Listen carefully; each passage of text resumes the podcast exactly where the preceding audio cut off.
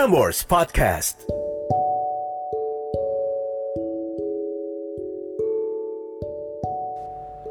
Catatan akhir malam oleh Narendra Pawaka.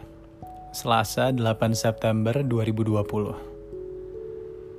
It's over and done, but the heartache lives on inside. Malam ini kita buka catatan tentang beda agama dari Lana. Gara-gara catatan Lana, gue jadi inget satu lirik lagu yang berjudul Emotion dinyanyikan oleh Samantha barengan sama Bee Gees di tahun 1977. Tapi gue lebih suka versinya Destiny's Child di tahun 2001. Ya, itu dia lirik yang menjadi pembuka di catatan akhir malam. It's over and done but the heartache lives on inside. Wow, jadi throwback ya. Anyways, sebelum gue buka catatan dari Lana, ini udah malam. Jadi buat kamu yang pengen cerita apa pun itu tentang cinta, tentang keluarga, tentang kehidupan, tentang berada di bulan September dan masih memiliki energi positif di dalam lo. Silahkan cerita ke narendrapawaka at gmail.com. And I will see you on the next episode. But for now, mari kita buka catatan dengan subjek The relationship has done, but the feeling hasn't. Dear Eda, call me Lana. Berawal dari ketemu dengan sang mantan di kantor, kita kenalan, jalan bareng, dan ternyata kita klik. Finally, kita jadian. Selang beberapa bulan, he said, "We can't do this anymore." Kita secocok itu, tapi yang kita puja beda. Pada akhirnya kita nggak tahu juga mau dibawa ke mana. Dia bilang, I wish you came before my ex. I wish you were the girl that I asked to come home and met my mom. Iya, memang kita beda agama. Dari sekian banyak kecocokan kepribadian dan cara berpikir, tapi satu poin ini cukup berat. Akhirnya kita beres, sudah bukan jadi pasangan. Tapi setiap kita ketemu, kita masih sama-sama feeling the sparks there. Our relationship has done, but our feeling hasn't. And you know that it's hard for me walaupun udah jalan beberapa bulan. Thank you, Eda.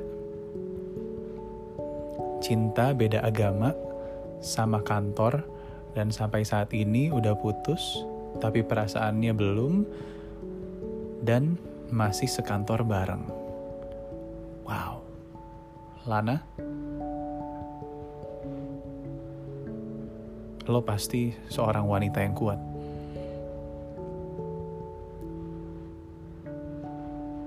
But then, gimana caranya supaya lo kuat?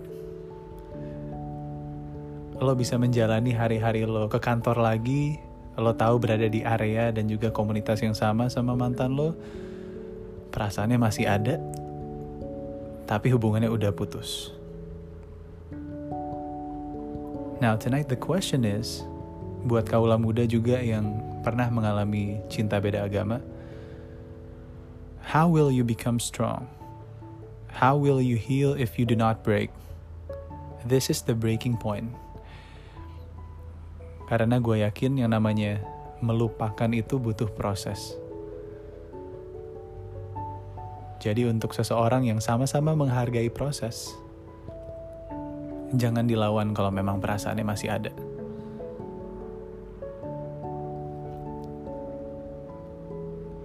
Nah, for the additional note, ada beberapa catatan yang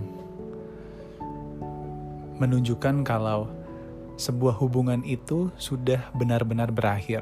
So this is how relationships end. Poinnya adalah relationships end when you stop communicating. Kalau masih ngobrol, walaupun secara profesional dan masih ada sparksnya, That is not the end. Another point is relationships end when you stop showing love and affection to each other. Seperti makanan yang punya expiry date, cinta pun juga punya expiration date-nya. Dan sebagai orang dewasa, kalau memang sudah setuju, sudah sepakat untuk mengakhiri hubungannya, di situlah ujiannya sebenarnya. Apalagi sekantor ya Lana. Harus bisa profesional. Dan harus mengerti kalau proses itu dibutuhkan untuk pelan-pelan bisa membuang spark itu. Mau nggak mau karena memang sudah sepakat another note is relationships end when you stop trying to understand each other Relationships end when you decide not to be vulnerable. Now I know at this point, salah satu proses Selana untuk melupakannya adalah dengan menulis ke catatan akhir malam. And I do appreciate that. That is the moment when you decide untuk just let yourself be vulnerable. Agar keesokan harinya bisa kuat kembali. Now, some relationships end because they were a bit hard, but relationships are not supposed to be easy.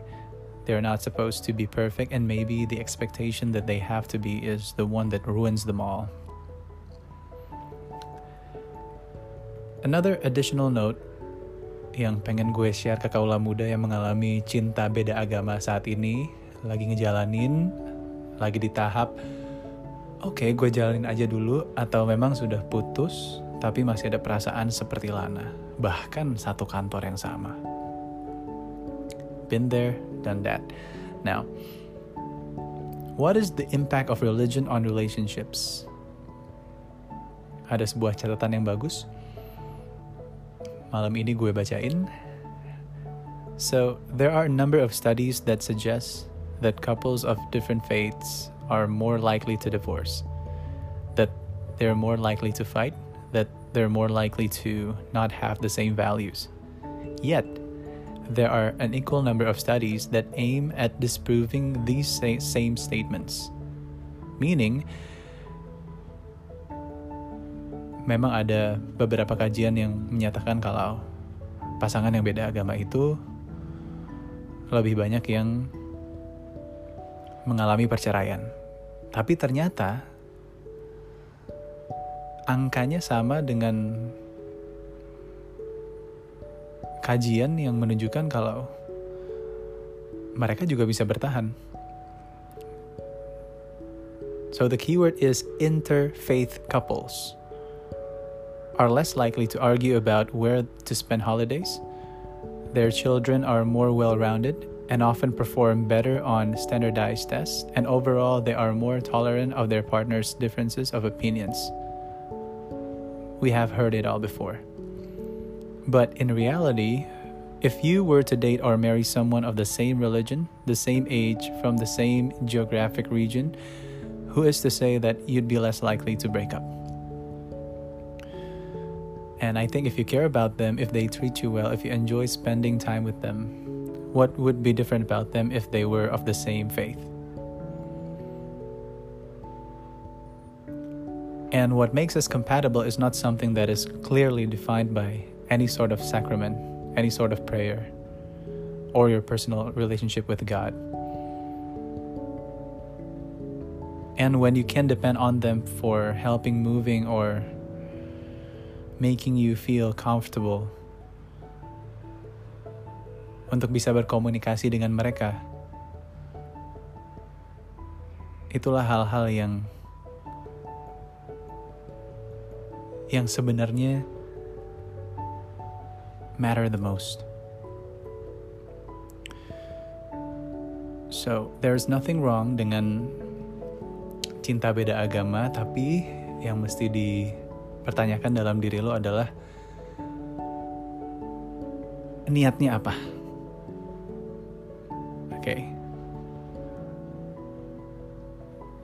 Jadi untuk semua kaula muda yang sedang menjalani cinta beda agama,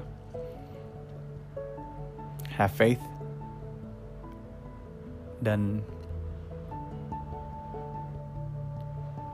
prepare for the worst. Oke. Okay. Thank you buat catatannya dari Lana. Semoga menulis bisa membuat hati lo semakin lebih baik.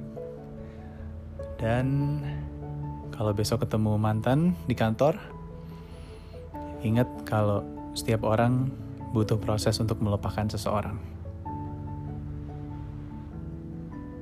And for the last bit of catatan akhir malam, we have a new fortune saying birthday buat lo yang ulang tahun di tanggal 8 September. You are artistic and musical, have positive ideas and like having your own way. You are discriminating and shrewd, a good student, a deep thinker, and an interesting talker. Loving, faithful, and devoted to your family. You will probably not fall in love at first sight. My name is Narendra Pawaka and this is Catatan Akhir Malam. Have a good night, sleep tight, and don't let the bad bugs bite.